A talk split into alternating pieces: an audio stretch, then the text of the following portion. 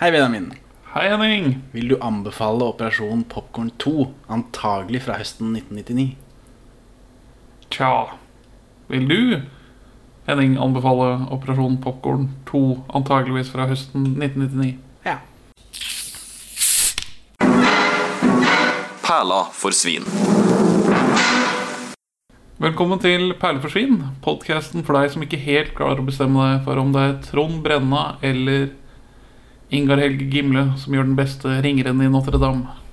Vi er to middelmådige menn i 30-åra eh, som ser norske filmperler, men igjen så har vi eh, beveget oss ut på ungdoms-TV denne episoden her. Ja, Så vi er litt utafor mandatet, men, eh, men det får gå. På TV-kjøret. For dette Nå er vi på Smørøyet. Ikke midt i Smørøyet, men Smørøyet, den serien som kommer etter. Som varte fra 98 til 2000. Eh, og regissør Morten Fristrøm eh, han intervjuet vi jo eh, i forbindelse med Forelsket 87. Og da nevnte han at han hadde lagd denne Operasjon Popkorn. Og så tenkte jeg ja ja, hvorfor ikke? Den ligger jo Operasjon Popkorn 1 ligger jo på den eh, spilleren. Så den har vi sett. Hele, hele Midt i smøret-episoden, inkludert den filmen. Og så hørte jeg med Morten om uh, uh, hvor jeg kan få tak i oppfølgeren, for det også ble nevnt når vi snakka sammen. Og den får jeg selvfølgelig ikke tak i pga. Norwaco-avtalen til NRK. Ikke noe, de kan ikke legge ut ting i arkivet sitt etter 1997. Så denne episoden, som da er fra 1999, eh, fins ikke ute. Men, eh, men Morten hadde den liggende. Og var såpass hyggelig at han sendte den over. Det er ålreit. Ille ålreit. For når jeg ser på dette, så får, fikk jeg sånn eh, flashbacks Det, det, det så så kjent ut. For jeg tror For dette er jo Smørøy var det kuleste som fantes på Ja. denne tida for meg. Eh, Vi, vi er jo begge født i 89, så vi er jo ti på tidspunktet. Ja, vi blir ti i 99 i hvert fall. Ja, Begynnelsen av eh, målgruppa til Smørøyet. Så jeg har sett dette før. Satt jeg og tenkte på når jeg så dette, og i slutten av klippet her sånn, så kommer det Så følger det med på den tapen jeg har fått av Morten, en eh, musikkbit eh, hvor Emilia Rydberg synger 'Big Big World'. Og da bare skylte det over meg, for dette her har jeg sett før. Så det er morsomt å se dette igjen.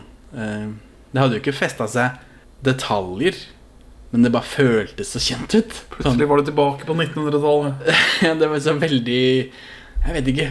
Det, det var rart. Først så noterte jeg her at dette er eh, i hvert fall mote jeg kjenner, i motsetning til de to andre tingene vi har sett. 'Forelsket 87' og, og 'Smørøyet' fra 1991. Nå begynner man å kjenne igjen klesstilen til folk. Ja, for hun eh, hovedrolledama her Hun har jo tegna på seg øyenbryn omtrent. eh, Og, og de bruker Ja, de har sånne klær som vi hadde når vi skulle være kule på ungdomsskolen. Hun har sånne tynne bangs foran. Hun har hår i hestehale, og så henger det sånne tagger ned foran pannen hennes. Ja, og venninna hennes, dette korte, det korte håret og det litt sånn mørke goff-øyegreiene. Jeg, jeg, jeg kjente igjen, så det var først det jeg reagerte på. Men så syns jeg alle så sånn passe Alle skuespillerne så kjente ut også. Disse barna tenkte jeg har de gått videre til å bli noe. Men så gikk det veldig opp for meg da sånn på slutten her når vi fikk med den ekstra, ekstra biten fra sjølve Smørøy-programmet. At dette her har jeg sett eh, da det gikk. Hva annet skulle man gjøre på en lørdag, liksom? Nei, nei, jeg husker at det var viktig for meg å få det med meg, fordi det var kult, liksom. Jeg vet ikke, eh, Jeg vet ikke hvor hvordan det var for deg. Jeg, jeg vet ikke hvor, hvor ofte jeg så det. Jeg husker jo, at Emilia, jeg husker jo Emilias store hit.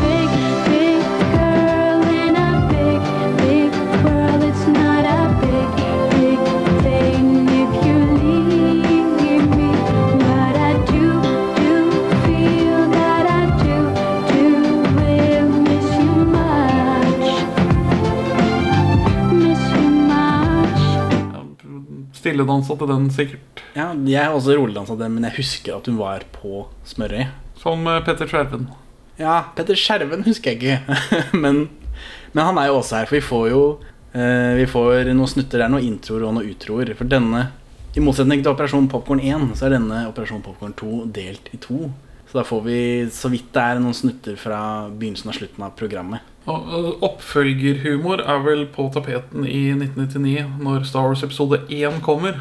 Jeg tror, jeg tror muligens det er det de henspiller på.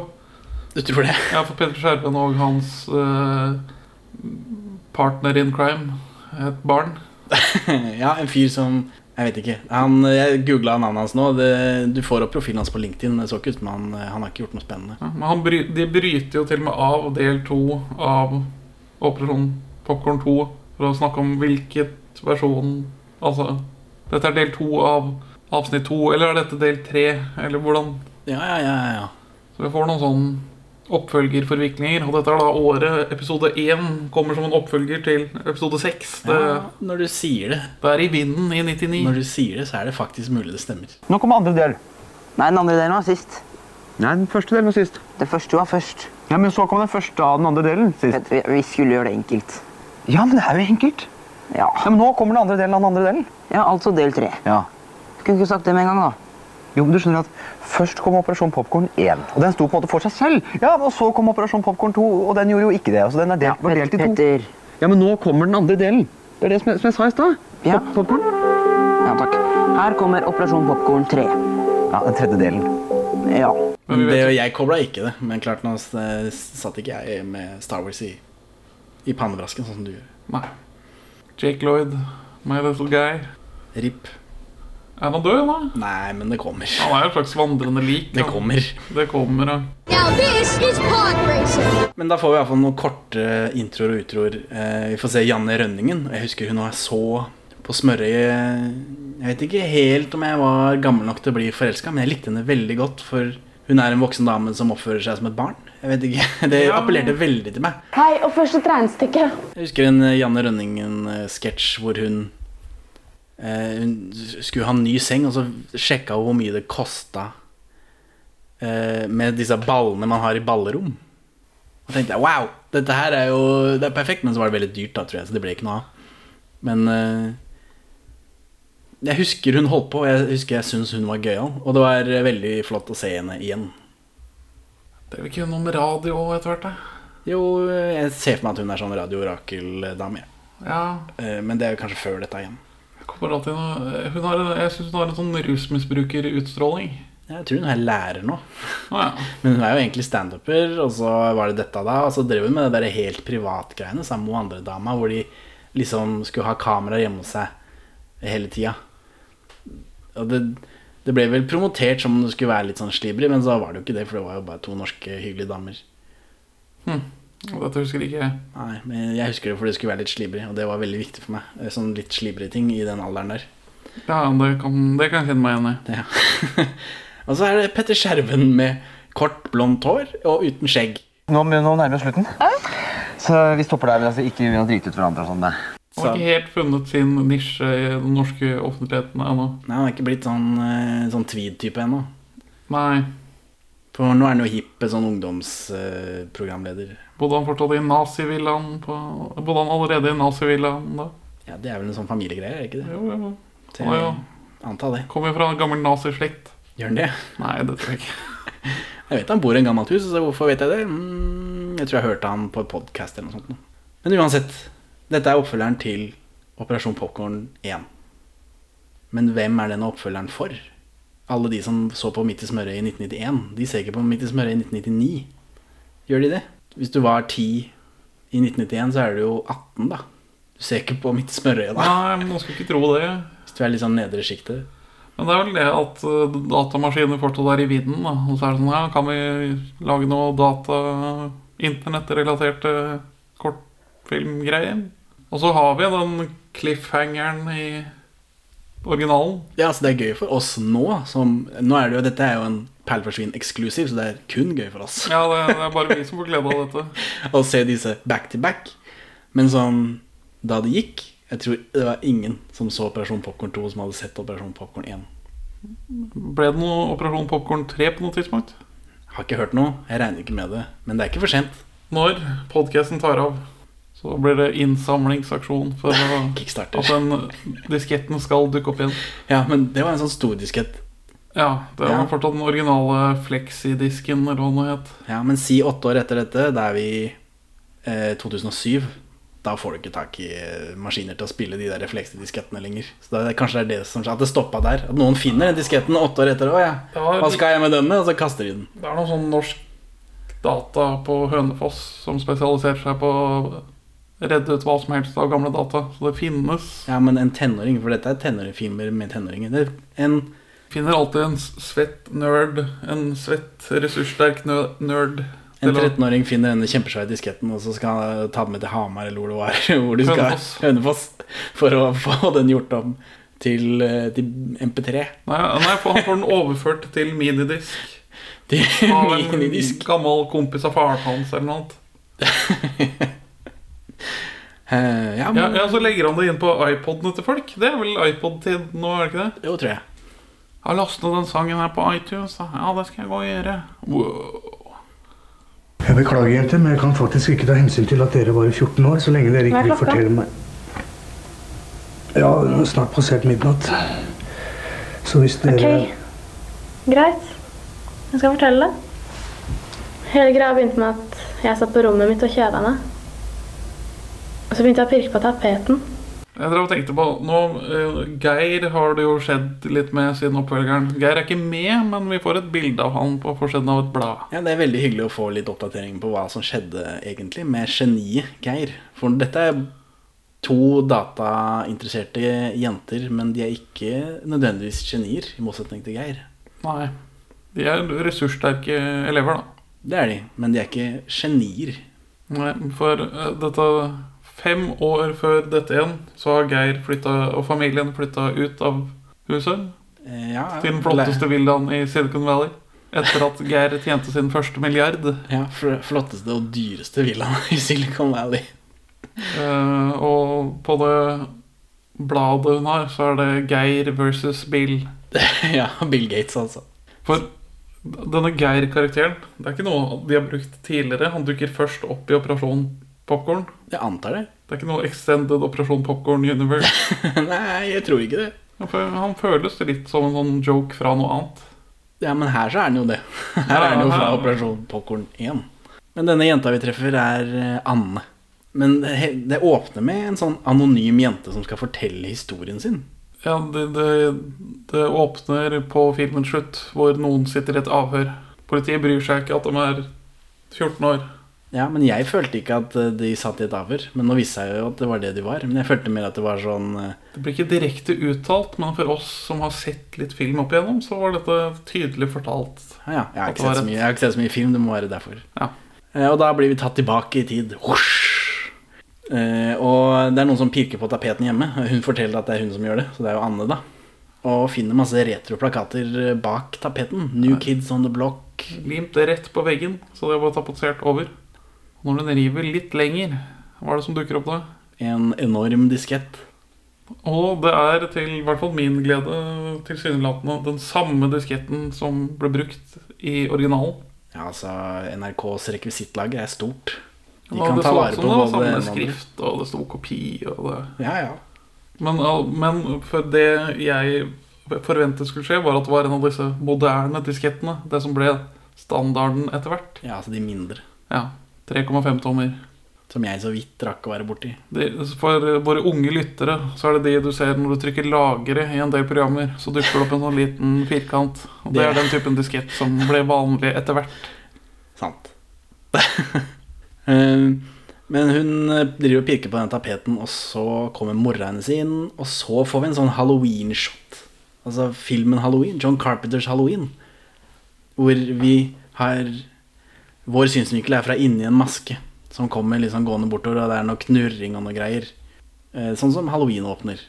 Ja. Så jeg tenkte den filmen går hardt ut. Det blir massakre fra første scene. Nå skal det fulle potensialet til popkornprogrammet nyttes i sin helhet. ja, for den, denne morderen skal ha disketten. Men nei da. Det var bare eh, broren til Anne, Erling. Erling, som er en psykopat. Ja, eller han er jo veldig utagerende barn. Utagerende femåring. Ressurssterk utagerende femåring. Han bygger på et tidspunkt en Katapult. til å pælme snø på folk. Velfungerende katapult. Trebuchet? Eller er det noe annet? Ikke en trebuchet, nei. Ok, ok. Eh, men han skyter iallfall mora si i ansiktet med en vannpistol, så Flaks at det ikke var en ekte pistol. Jeg har blitt tre år eldre for hvert år som har gått siden Erling kom. Ja, mora er tidlig ute og klager på Erling. Eh, Så de setter opp det, da, at han blir er et plottpoeng videre. Han skal gjerne vaskes på et tidspunkt.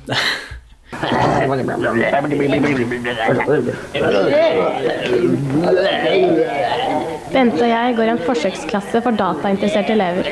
Så kutter vi til eh, eh, Anne er på skolen sammen med venninna si Bente. Hun går i spesialklassen. ja, de går i en forsøksklasse for datainteresserte. Klasse X. De med anlegg for data. Norsk historie X. Ja. ja. Nja, hva gjør en forsøksklasse for datainteresserte? Hva gjør de egentlig? De sitter bare og knaster. De prøver bare å benytte datamaskiner mer i undervisningen, siden dette er folk som har gjort noe programmering hjemme. Ja. Og hun har jo endret ganske mye på Operasjon Popkorn for å gjøre det til noe du deler mellom PC-er kontra og viser gjennom TV-signaler. Ja, så hun har jo anlegg. Ja. Det har hun. Og hun har også fått krympa det ned til en ordentlig diskett. Ikke den kjempesvære. Så, og, men læreren her er Rune Gokstad igjen. Han som spiller faren til Geir. Men han spiller ikke samme karakter. Nå har han hår. Han hadde ikke det sist. ja han, Han er jo skalla på ordentlig. Det er en parykk. er, det, er det en parykk? Det Det, det. så merkelig ut. Ja, det er en parykk. Etter å ha tilbrakt et halvt år i denne klassen her, så har jeg sluttet å forundre meg over at det går galt med menneskeheten. Altså. Altså, her disponerer dere utstyr som tidligere skoleklasser bare kunne drømme om. Og det dere bruker denne teknikken til, det er å lage en mer avansert prompepute! I denne klassen så var det, er det tre jenter, og så er det fem gutter. Ja. Vi blir bare bekjent med to jenter og tre av guttene, for de tre av guttene er veldig slemme. ja. Ivar, Frank og Jon eller noe? Og de, de har sett en skoleoppvisning av eh, Ringeren i Notre-Dame.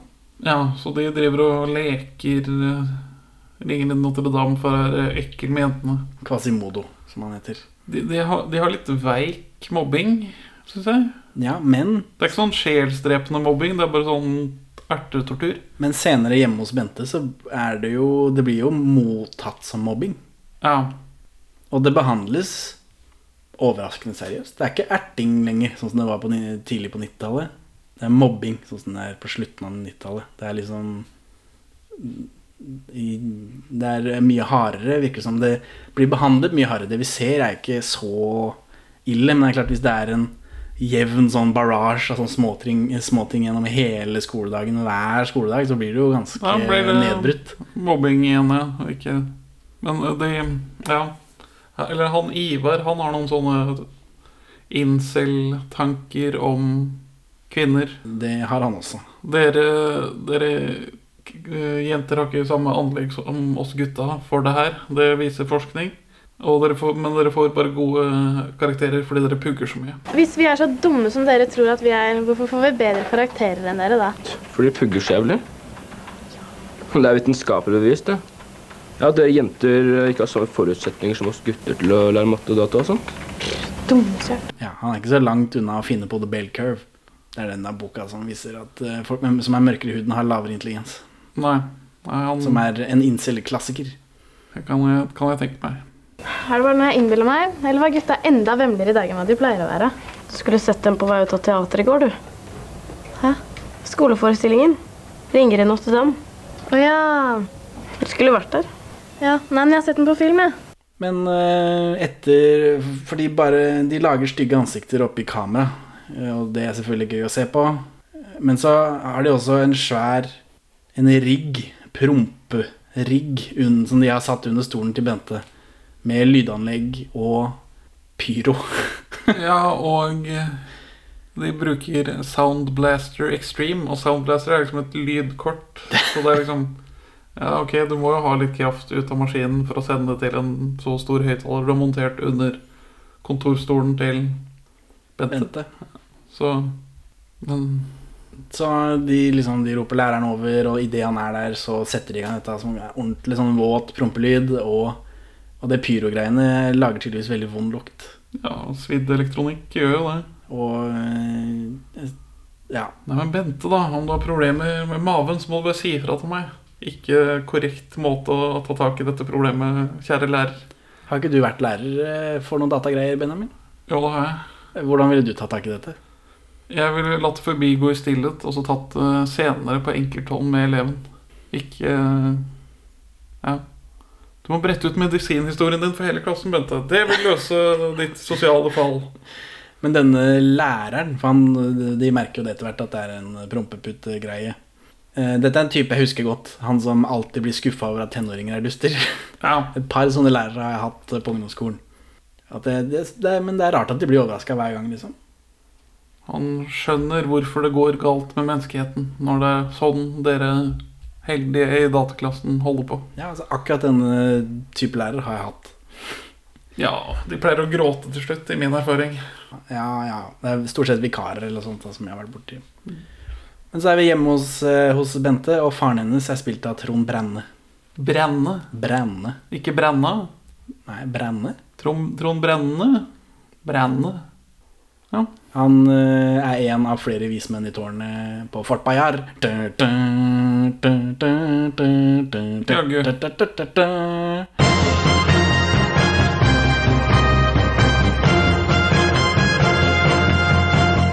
Og han har stemmen til Reodor Felgen eh, i den Julie Flåklypa-filmen. Så Ja. tror jeg han rusler før de begynner å lage de andre. Han har ruslet. Ja. Han, det husker jeg godt, fordi han Han er en sånn veldig klassisk reklamestemme. Han har en veldig trygg eh, stemme. Det er disse gutta i klassen din som plager deg igjen. Er du helt sikker på at jeg ikke skal ta kontakt med skolen? Forsøke å få gjort noe med denne mobbinga? Ja. Jeg vil helst prøve å ordne opp i det selv, på en eller annen måte. Så jeg tror han drev og hadde en sånn reklame hvor han drev og solgte fliser, og så døde han. Men så gikk den flisereklamen ennå, så han drev og skulle selge meg fliser etter sin død. Så det husker jeg godt. Det har i hvert fall ikke dratt han opp på graven for å få han til å selge banktjenester ennå. da. Nei, nei ref. Olsemannen. Ja. Nei, ikke ennå. Ehm, når det gjelder Olsenbanden som eh, fenomen, da, så er det jo en kulturarv. Ehm, Olsenbanden rører ved den norske folkesjela. Eh, og vi opplever at det er noe som kler merkevaren Gjensidige veldig godt. Eh, vi har jo konkurrenter og andre som benytter seg f.eks. amerikanske filmskuespillere eh, og blir assosiert med dem. Eh, men for oss så er det mye mer riktig å eh, bli assosiert med noe så folkekjært og tradisjonsrikt som det Olsenbanden er. Eh, og så her kommer jo fram dette med at og Bente føler seg mobba, da. Og faren Trond, Trond er på ballen. Ja, han følger med henne på en måte og prøver å liksom å høre hvordan det går. Si ifra før du henger deg, kjære Bente. Ikke med de ordene, kanskje, men eh, ja. Jeg syns bare det er vondt at du mistrives. Lov meg at du ikke er for modig, da, jenta mi. Hvis det skulle bli for ille, får du heller si ifra. Lover du det? Ja, jeg lover. Si ifra før det går for langt. Hva er å gå for langt for en tenåring? Nei, det var det. Hun blir jo invitert over til Anne, da, for Anne har ordna dette programmet. Og vil gjerne vise fram det. Men han eh, lillebroren skyter henne full av, av snø med den katapulten sin. Ja, Det er godt bedekket med snø når hun ringer på. Så han lillebroren kan du få gratis av meg, for han var veldig slitsom. Tommy og tigeren er rene amatører sammenligna med lille Erling. Vi har fått broren min testet på alle mulige måter. Men alle sier at han faktisk er normal. Bare litt ekstra vilter.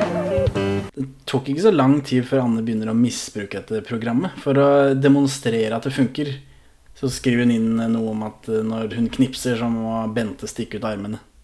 Og så han klapper, så kan han ta dem ned igjen. Ja. Så når hun leter etter skjerfet sitt, så trenger hun noe å henge fra seg greiene på, så da knipser hun. Ja, altså, så legger hun fra seg alle klærne på, på armen hennes. Så det begynner jo der, da. Og så får hun 1000 kroner av mammaen sin til å kjøpe narkotika. Ja, Hun tar bare 100 av de, da. Men Jo, men allikevel. allikevel. mamma, kan ikke, du, kan ikke du komme og se på den greia her? Ja, mamma, kan jeg få 1000 kroner for å kjøpe narkotika?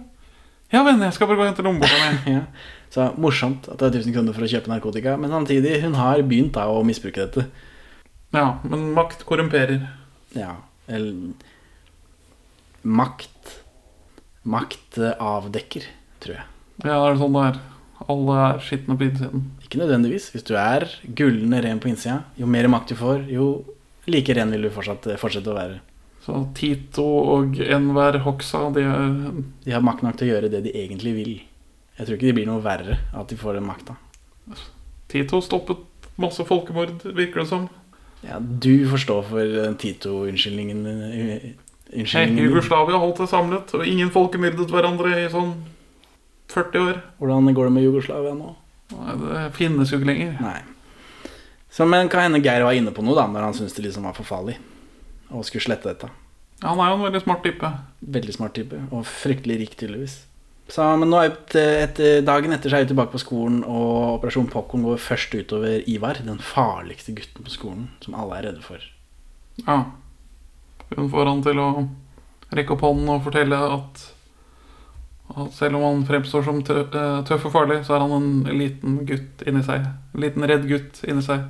Og hver gang han ikke er hjemme, så savner han kosedyrene sine. Takk, takk for meg. Ikke det verste som kunne skjedd. Nei. Og kompisen hans tar det som en spøk og bare begynner å le, siden man burde le for ikke for juling. Når i, Av er frykt. morsom. Av frykt. Og så, men neste er en fyr de kaller Frank Frosken. Og han er en sånn som Han er en tafser. Ja, var det det han Det var det han var. Han driver seksuelt trakasserer. Han klemmer seg inntil folk. Han går alltid nærmere enn man trenger. Det var litt sånn ufint. eh. Frank pleier vi å kalle for Frosken. Han er en sånn som alltid skal liksom komme borti deg på utsatte steder, og alltid må klemme seg forbi deg, selv om det er god plass. Og han ser på porno i klassen, selvfølgelig. Det nærmeste man kommer porno på eh, i beste sendetid på lørdager på NRK. Jeg kaller henne for en internett-pinup. Michelle goes to Notre Dame. ja. Det er en, eh, en sexy dame med fransk bagett. Ja. Med sånn stripete genser og, og beret. Så eh, de sender da eh, Operasjon Popkorn, dette programmet, inn til PC-en hans. Og han hallusinerer at Jon, den tredje bølla, er denne deilige dama med dyp utringning. Så han hiver seg da over henne. Etter at hun ber han om å kysse han. da. Ja. Bæsje moi. Bæsj meg. Det, det bæsje moi er ikke kysse meg. Er det ikke det? Nei, embrasse moi. Embrasse moi? Ja. Bæsje meg er knull meg. Er det det hun sier, da? Nei, hun sier embrasse moi. Mm, Jeg hørte bæsj, ass. Jeg hørte embrasse moi. Jeg som vet forskjell på dette. Vi får ta det i redigeringen. Ah mon chéri, embrasse-moi. Le baiser. Kysset. Så jeg skjønner at du blir forvirra, du som kan eh, fransk. Spørsmålstegn? Ikke så veldig god i fransk. Nei. Ikke jeg heller, forresten. Dette er de tre ordene jeg kan. Det er utrolig at jeg får bruk for det så ofte som jeg gjør. Ja, det er sant. Eh, Så han hiver seg over, ja, og da blir det liksom brutt, da, fordi Jon kjemper imot. så da går en operasjon popkorn-forheksningen over, virker det som. Han blir brutt ut av transen. Ja, virkeligheten slutter å samsvare, så kanskje hjernen må rette opp litt i Det kan tolkningen. Det kan hende. Ja, så får de kjeft av læreren da, for at de driver og roter og ordner og styrer sånn. Mamma, kan jeg få 1000 kroner til å kjøpe litt narkotika, eller? Ja, selvfølgelig. Vent, da, så skal jeg hente lommeboken min. Og det er slutten på del én. Jo, og så øh, altså, læreren kommer og bryter av, og så sitter eh, Ivar i bakgrunnen og virker til å Ja, det virker som han forstår noe, at noe er liksom i gjære, men eh, det kommer ikke opp. Det føles ikke opp nå. Og så er det slutt på del én. Og så del to starter med at vi går gjennom det som har skjedd allerede. Og så får vi med hun sexy franske dama to ganger. Så applaus. Ja, veld, veldig mye av hun sexy dama Ja, jeg, det er fullt forståelig. Hvis man har en sexy dame, så må man jo selge det. tekke det mannlige pubertetspublikummet. Ja, eller jeg som så på dette, jeg antar at jeg setter pris på det. Vi får mer voiceover da, til å forklare igjen for å få oss med på det. Ja, det er jo Anne som forteller hva som har skjedd. Og da sammenligner hun lillebroren sin med Tommy Med-tigeren. Dette er ikke en merkevare jeg er kjent med, i hvert fall. Så Paul McKenna En såkalt goof. En såkalt goof. ja. Og så refererer de til Paul McKenna, som er en sånn hypnotisør, tror jeg. Ja. Fra gamle dager. Ja. Vi har også problemer med lillebroren min Erling. Han er en slags turboutgave av Tommy med tigeren. Heldigvis fant jeg den eneste kopien i verden av et dataprogram som man kan hypnotisere mennesker med. Programmet heter Operasjon Popcorn og er så effektivt at det får Paul McKenna til å virke som den rene amatør. Skal vi se. Paul McKenna mm, mm, mm, Han kom på TV 93 til 97. Veldig, veldig aktiv på 90-tallet. Det er Terrence McKenna jeg tenker på når jeg roter Roterett. Han holder på videre utover, selvfølgelig, men han er liksom veldig på på Det er vel da han slår gjennom, tror jeg. Hans det er en tids, tidsriktig referanse. Vet du hvem det var som bodde der for fem år siden? Før han tjente sin første milliard og flyttet til det største og fineste huset i hele Silicon Valley? Jepp, nettopp. Han, ja. Geir Dale. Alle norske datafrikers store helt og forbilde. En eller annen gang oppfant han et hypnoseprogram som han kalte Operasjon Popkorn. Og det funker sånn at du kan gjemme beskjeder bak eller inni det bildet som er på skjermen. Du klarer ikke se det, samme hvor mye du glaner. Men underbevisstheten din derimot oppfatter det. Og så blir du hypnotisert. Men da er det Jon, da. Den siste bølla. Det er hans uh... Han mer køddenadig. Han som lever av å finne på kødd. Han har bare én side en ved personligheten sin. Og det vil disse jentene gjøre noe med. Så de får han til å hallusinere personifiseringer av sin samvittighet. Ja, en djevel og en engel som sitter oppå PC-en hans. Så her er noen effekter og noen greier.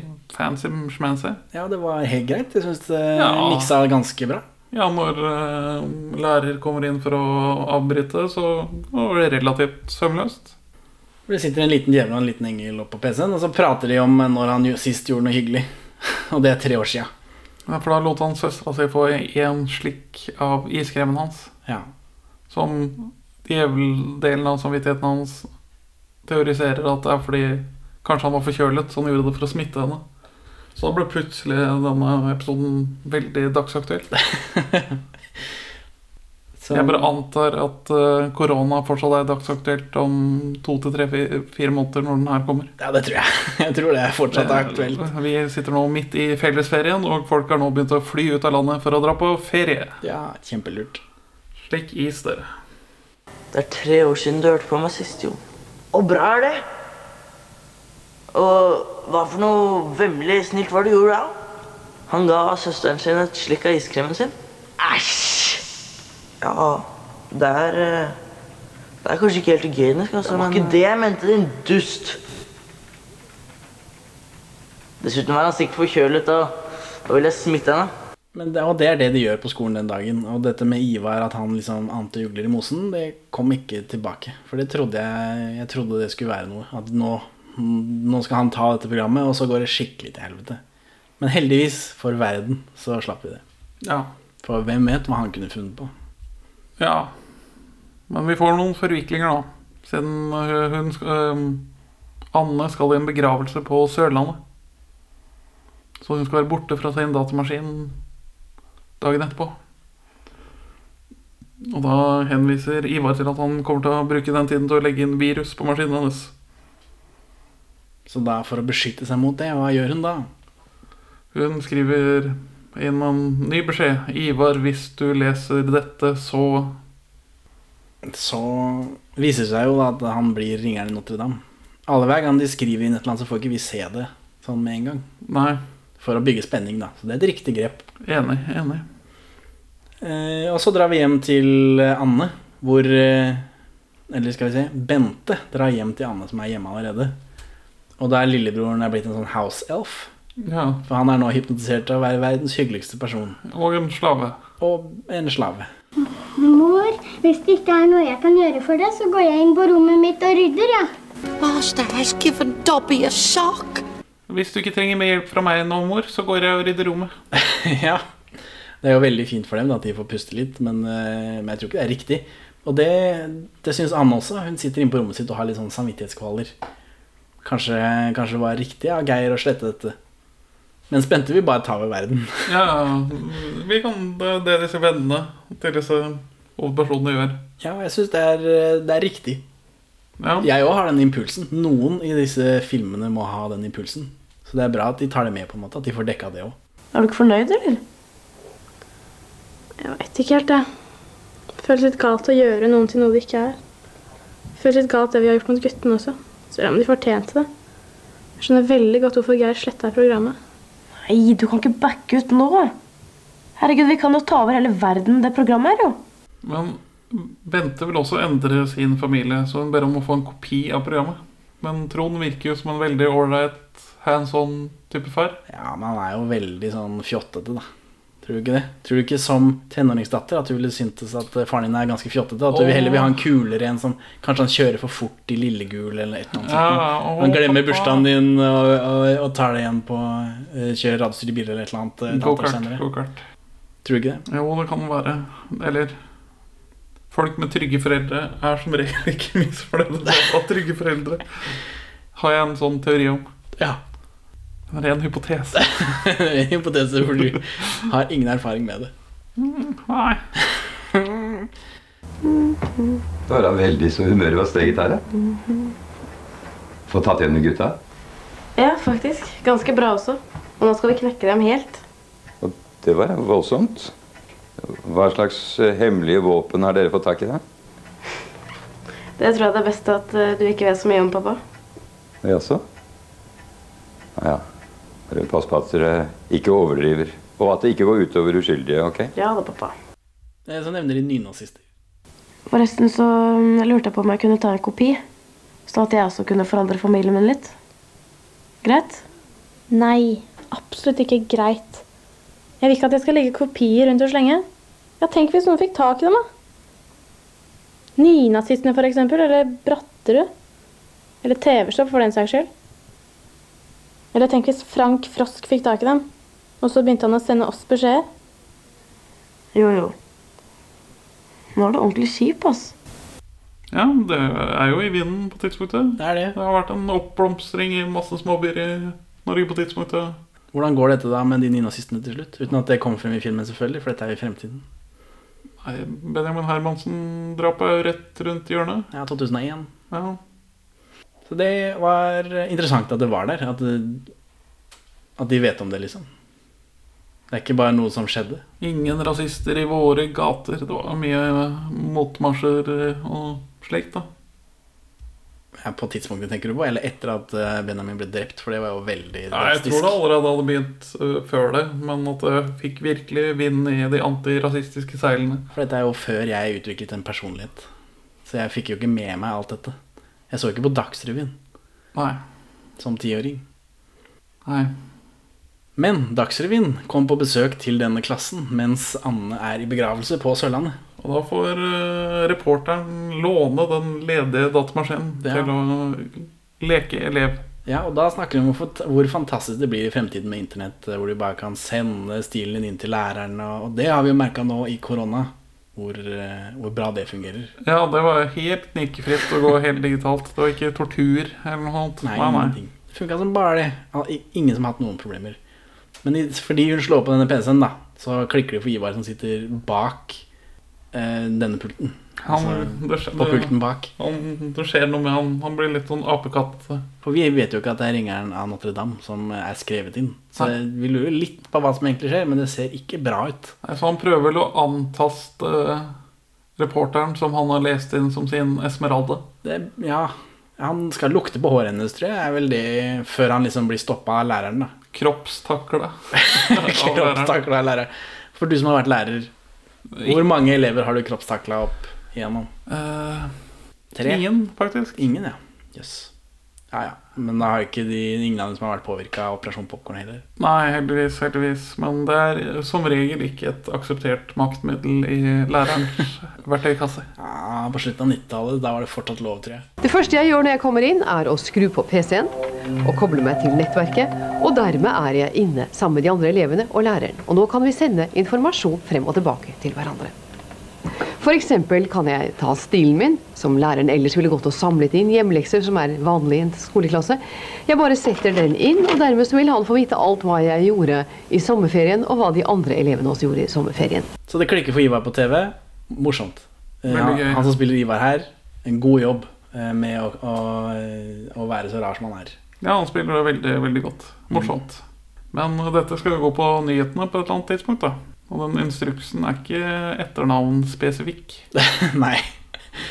Så uh, Anne kommer hjem, og da får vi regissør-cameo. Ja, De har vært i begravelse, og det har ikke vært en ydmykelse for familien å ha med Erling ut for første gang på flere år. Ja, det er helt utrolig. Ja, da, da, Men da kommer Morten. Far til Anne er Hans. spilt av regissøren selv. Ja, Men denne gangen har han masse replikker. Så han hadde ikke det i eneren. Da hadde han ingen replikker. Prøv å slappe av litt da, Inger. Nå som alt har gått så greit, er det jo ikke noe vits i å bekymre seg. Tenk deg en hel begravelse uten noen som helst slags form for katastrofer. Det er jo nesten for godt til å være sant. Tror du? forresten at eh, denne karakteren er samme karakter som i Operasjon Popkorn 1. Hvor han bare er lege som titter ut av døra. Tror du faren til Anne er lege? Og har eh, vært borti Operasjon Popkorn før uten at han vet om det. De, bor i enebolig i Oslo, så det er ikke umulig. Nei, ser du. Tror du også at faren til Hun Anne har egen personlig datamaskin. De er jo middelklasse, er det ikke det? Jo, i 1999. Jeg vet ikke hvor vanlig det var med datamaskiner, men det ser ganske middelklassehjem ut. Altså, femåringen har nok verktøy til å bygge en fungerende katapult. Det liksom Tror du at denne Tror du at faren til Anne, før han begynte i praksis som eh, lege, drev en kiosk hvor han solgte blader? Det er veldig mulig at dette eksisterer i samme univers. Ja. Ja. Er dette, ser vi et Fridstrøm eh, univers her? Ja, og hun går jo på Nordberg ungdomsskole, som er et ganske middels langt steinkast fra Tolsen skole. Så det er ikke umulig at hun har gått på Tolsen skole tidligere. Det er innenfor samme skolekrets, tror jeg. Ja, ja, ja. ja. Så jeg tror vi er inne på noe her. Jeg syns du sa at det ikke gikk an å ta opp signaler fra Operasjon Popkorn på video. Ja. Nei, altså jeg har ikke fått det på videoen vår i hvert fall. Hvordan det? Vel, Dagsrevyen var og lagde reportasje om klassen vår i dag. Ja, Det går kanskje hvis du har profesjonelt utstyr. Ja. Jeg er helt sikker på at det går. Jeg. Visste du forresten at faren min het Ivar? Men resultatet av denne Dagsrevyen-reportasjen blir at eh, alle, alle Ivarer i Norge som ser på Dagsrevyen, blir Kvasimodo. Kjempegøy. Ivar-syke, Ja. som det kalles. Ja, for da får vi et annet Dagsrevyen-klipp-innslag hvor de er utafor psykiatrisk legevakt, hvor det er masse folk som må dra med seg Quasimodoer. Ja, det slo til 1925. Det, ja, jeg det slår til på nøyaktig samme tidspunkt og av folk som satt og så på Dagsrevyen. Det er et ganske tydelig mønster å legge merke til at alle Ivarene Ja, det er morsomt. Det er mye rare ansikter. Det er mye rart, gøy skuespill. Men hva med alle Ivarene som ser på Dagsrevyen, men ikke har Quasimodo i sin referanseramme? Det, jeg tror den er godt nok kjent. Den Disney-filmen kom i 1996, vet du. Så det tror nok Ja, alle, alle har minst sett en trailer. Jeg tror vi har blitt bombardert med, med Quasimodo-reklame, så alle Ivarer har fått det med seg. Som du la jo merke til at det var ingen Ivarer på tre-fire år som var med på dette. Nei, det For de har, ikke, de har ikke den referansen. så, så dette er gjennomtenkt. Men vi får noen ganske morsomme bilder av Av Oslo by. Folk foretrekker å holde seg hjemme. Altså selv om veldig få Ivarer har blitt voldelige, så Folk foretrekker å holde seg hjemme. Og så er det en del Ivarer som har trukket til Domkirken i Oslo. Og Så er det veldig gøy at når kirkeklokkene begynner å slå, så begynner alle Ivarene utafor å trekke en sånn Imaginær snor. Ja. ja, og så er det de filmer Stortinget og, liksom, og Spikersuppa, og det er ganske så dødt. Det er på natta, og så er det en og annen sånn Ivar som sleper seg av gårde bak her. Kjempegøy. Foreløpig er det lite man kan si om årsakene til denne epidemien. Ivarssyke, som den allerede er blitt døpt. Eh, Så nå, eh, men nå begynner Anne og Bente å få panikk, da, for de må dekke over sporene sine. For det viktigste når man har gjort noe galt, er å ikke bli tatt. Ja, um, Dagsrevyen hypotiserer vel at uh, uh, hemmelige i Norge antar at dette er et angrep fra fremmed makt. Så det begynner jo, nettet begynner jo å stramme seg. Ja, veldig òg. Så de sender en mail da, til denne Dagsrevyen-reporteren. Eva Brattholm. Ja, som Hjernevasker henne til å bli et verktøy for det. ja, så det er ufine greier, dette, uten at de påpeker akkurat det, da. I, her akkurat nå, men litt tidligere så har vi jo snakka om det, men så bare fortsetter de. Så De skal prøve å destruere alle teipene med kopier av det innslaget. Så de kommer jo inn eh, på NRK der, på Marienlyst der da eh, Og blir tatt med inn av denne Dagsrevyen-reporteren Og vist rundt Og hun Dagsrevyen-reporteren leter gjennom masse teiper Jobber og ordner og styrer Men samtidig så er det en etterretningsagent fra E-tjenesten På sporet Veldig, veldig kjent fjes. Ingar Helgar Gimler. Ingar Helge Gimle, ja fra, Kjent fra Blåmandag Ja. For Og oss Bare en veldig hå- hårete fyr. Ja, The veldig- Missing Link. Ja, ja, ja Han er også med i Hotel Cæsar selvfølgelig Ingar Helge Gimle er etterretningsagent fra E-tjenesten. Han kommer seg også inn der sånn og begynner å lete etter disse teipene. Ja. Men eh, våre venninner, helter Helter? Spørsmålstegn. Helter, spørsmålstegn, ja. eh, har kommet dit først. Han har med seg et nyhetsanker som er aktiv i dag. Ja, jeg, jeg ser ikke så mye på Dagsrevyen, må jeg innrømme, men de ser jo veldig Det ser ut som de folkene som egentlig jobber i Dagsrevyen, så har syntes dette er gøy å gjøre noe annet Ja. enn Dagsrevyen og være tullete, liksom. De spiller jo en rolle når de er nyhetsanker, så de har jo øvd litt. Eh, så disse jentene, de har funnet de tapene, de skal destruere dem på en sånn svær magnetplate. Ja, gode gamle måten. Magnetisk sletting. For det er dyrt med teip, så jeg antar at NRK bruker om igjen. Praktisk talt alt fra før 1967 eller noe til eh, NRK er vel overspilt. Eh, Men da, eh, mens de holder på med dette, så kommer Ingar inn eh, og trekker pistol. Ja, han, han viste at han hadde en tidligere, men ja, nå Tsjekhovs pistol, som vi fikk se tidligere. Som han Ingar har fått låne da, av Tsjekhov. Naturligvis. trekker han da han er der oppe. Eh, og truer dem da at liksom, du må legge fra deg greiene. Og så skal vi se hva dette er for noe, da. Han så ikke Dagsrevyen i går, tydeligvis. Nei. For han, det viser seg da at Ingar også heter Ivar. Ivar Bastesen. Da går han i full ape mode. Men da kommer det et par andre fra E-tjenesten, da. Og, Nei, de er fra sikkerhetspolitiet. Oh, ja. De koser seg veldig med at E-tjenestens representant sliter veldig. Ja, E-tjenesten tjenesten viser sitt sanne ansikt. Interagency rivalry lever sterkt i Norge òg. Tydeligvis. Ja ja. Hvis dere ikke vil si noe, så får vi heller ta en titt på sakene. Det første jeg gjør når jeg kommer inn, er å skru på PC-en og koble meg til nettverket. Og dermed er jeg inne. Jeg kan og da blir eh, Anne tatt, og da, da får vi begynnelsen, da. Da er vi liksom tilbake på begynnelsen av hele, hele greiene. Og så, får, så sier hun at nei, jeg har destruert alt sammen, og det skal du være glad for. Så ser hun inn i øynene som om liksom, hva skal du med dette? Og den uh, første disken er også kasta, den ligger på søpla. Den store disketten. Men så på utsida, når hun får treffe Bente igjen, så uh, innrømmer hun at den første disken vet hun ikke hvor er blitt av. Nei, den har bare forsvunnet. Ops. Borte. Og nå har Bente gått, også lært at det ikke er lurt å benytte Operasjon Popkorn. Ja, hvis det er noen som finner den, så kan du godt destruere den. Hun har også skjønt det. Eh, Om disse mobberne har gitt seg, for de er blitt veldig skeptiske til, til disse jentene Ja, nå, som litt- kan styre livet deres. Sunn skepsis. Så da har de på en måte ordna alt, da.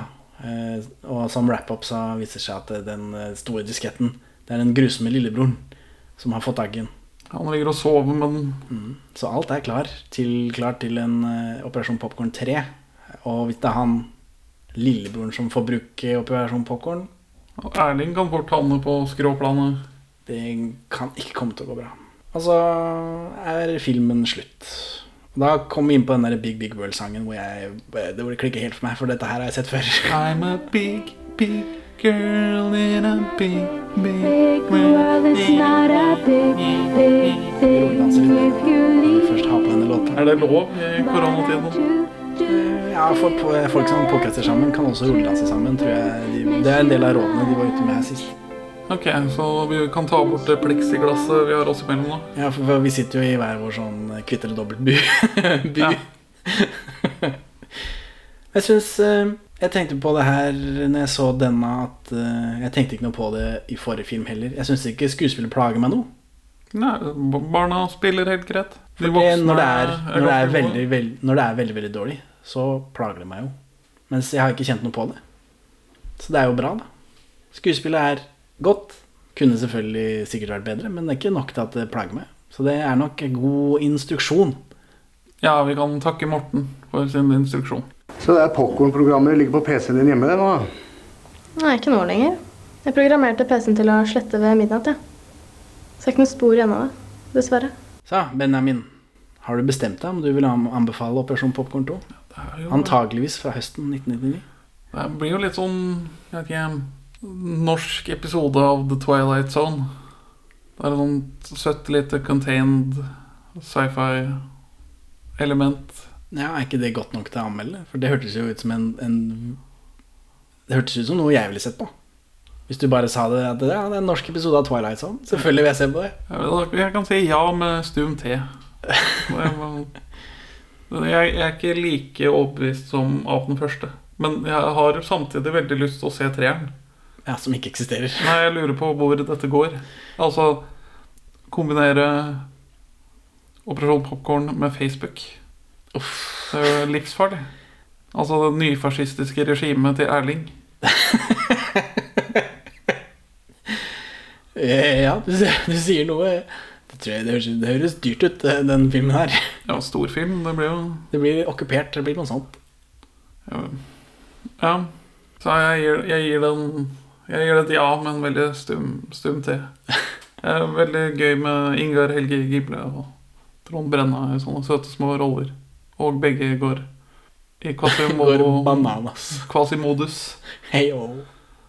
Så ja, Henning, hvorfor vil du anbefale Operasjon Popkorn 2 del 1 og 2 fra antageligvis høsten 1999? Først så tenkte jeg på den, eh, den nostalgifølelsen igjen. For det føltes, alt føltes så veldig kjent ut. Og så viser det seg at det er fordi jeg har sett det før. Eh, Så, så det var gøy, men det gjelder kanskje bare meg som har sett det før. Men jeg syns også dette Alt det, det Ringeren i Notre-Dame-greiene var gøy. Når vi først kommer så langt, så syns jeg det var overraskende moro. Til å være for barn. Det er jo for barn, dette. Det, At alle Ivarer som ser på Dagsrevyen, blir til Quasimodo, det er, det er gøy. Og det er gjort veldig gøy i Ja, fordi konseptet er jo gøy, men det at de har vært nede i Oslo sentrum på en mørk natt og, og filmer liksom ute ved Spikerstupa der, og så er det en og annen sånn eh, ringer som drar seg av gårde. Kjempegøy. Det, det likte jeg veldig godt. Og så, ja Jeg kommer ikke unna den nostalgigreiene, at den, sånn som de ser ut. For nå er, vi nærme, nå er vi jo på det som jeg husker. Dette var jeg en del av. Jeg også kunne sett sånn ut. Vi begynner å nærme oss ungdomsskoletida. Ja. Formative år. Ja, så For før så har det vært en slags De andre Altså Operasjon Popkorn 1 og for så vidt også Forelsket 87 har vært en sånn nostalgi som jeg føler jeg kjenner til, men jeg følte ikke at jeg hadde levd den. Det var noe som var da jeg var liten, før jeg hadde Før jeg hadde evnen til å bestemme selv hvordan jeg skulle kle meg. Og dette her har jeg påført meg selv. så det syns jeg var morsomt. Så, så derfor vil jeg anbefale dette. Nå sier vi det så. Ja. Ha det bra, da, Benjamin. Ha det bra, Henning. Takk for at du hører på Perler for svin. Du finner oss først og fremst på perleforsvin.no, men også på Twitter under perler-for-svin, Facebook som perleforsvinpod, eller du kan maile oss på perleforsvinpod at gmail.com. Gi oss gjerne en eh, rating i din lokale podcast-avspiller, og, og legg igjen en beskrivelse, så folk skjønner hva det er for noe tull vi egentlig driver med. Her er ukas Pål Bang-Hansen-sitat ute av kontekst. Til slutt i kveld to meget seriøse filmer, og det sagt for ikke å lure dere til kino på falske premisser. På hjemmesidene våre så legges det nå ut en egen side med linker til filmer, musikk, sladder og mye, mye mer. Dessuten så vil vi gjerne ha skjermsparere og skrivebordsbakgrunner av dere. De beste forslagene vil bli premiert med en T-skjorte. Pul McKenna.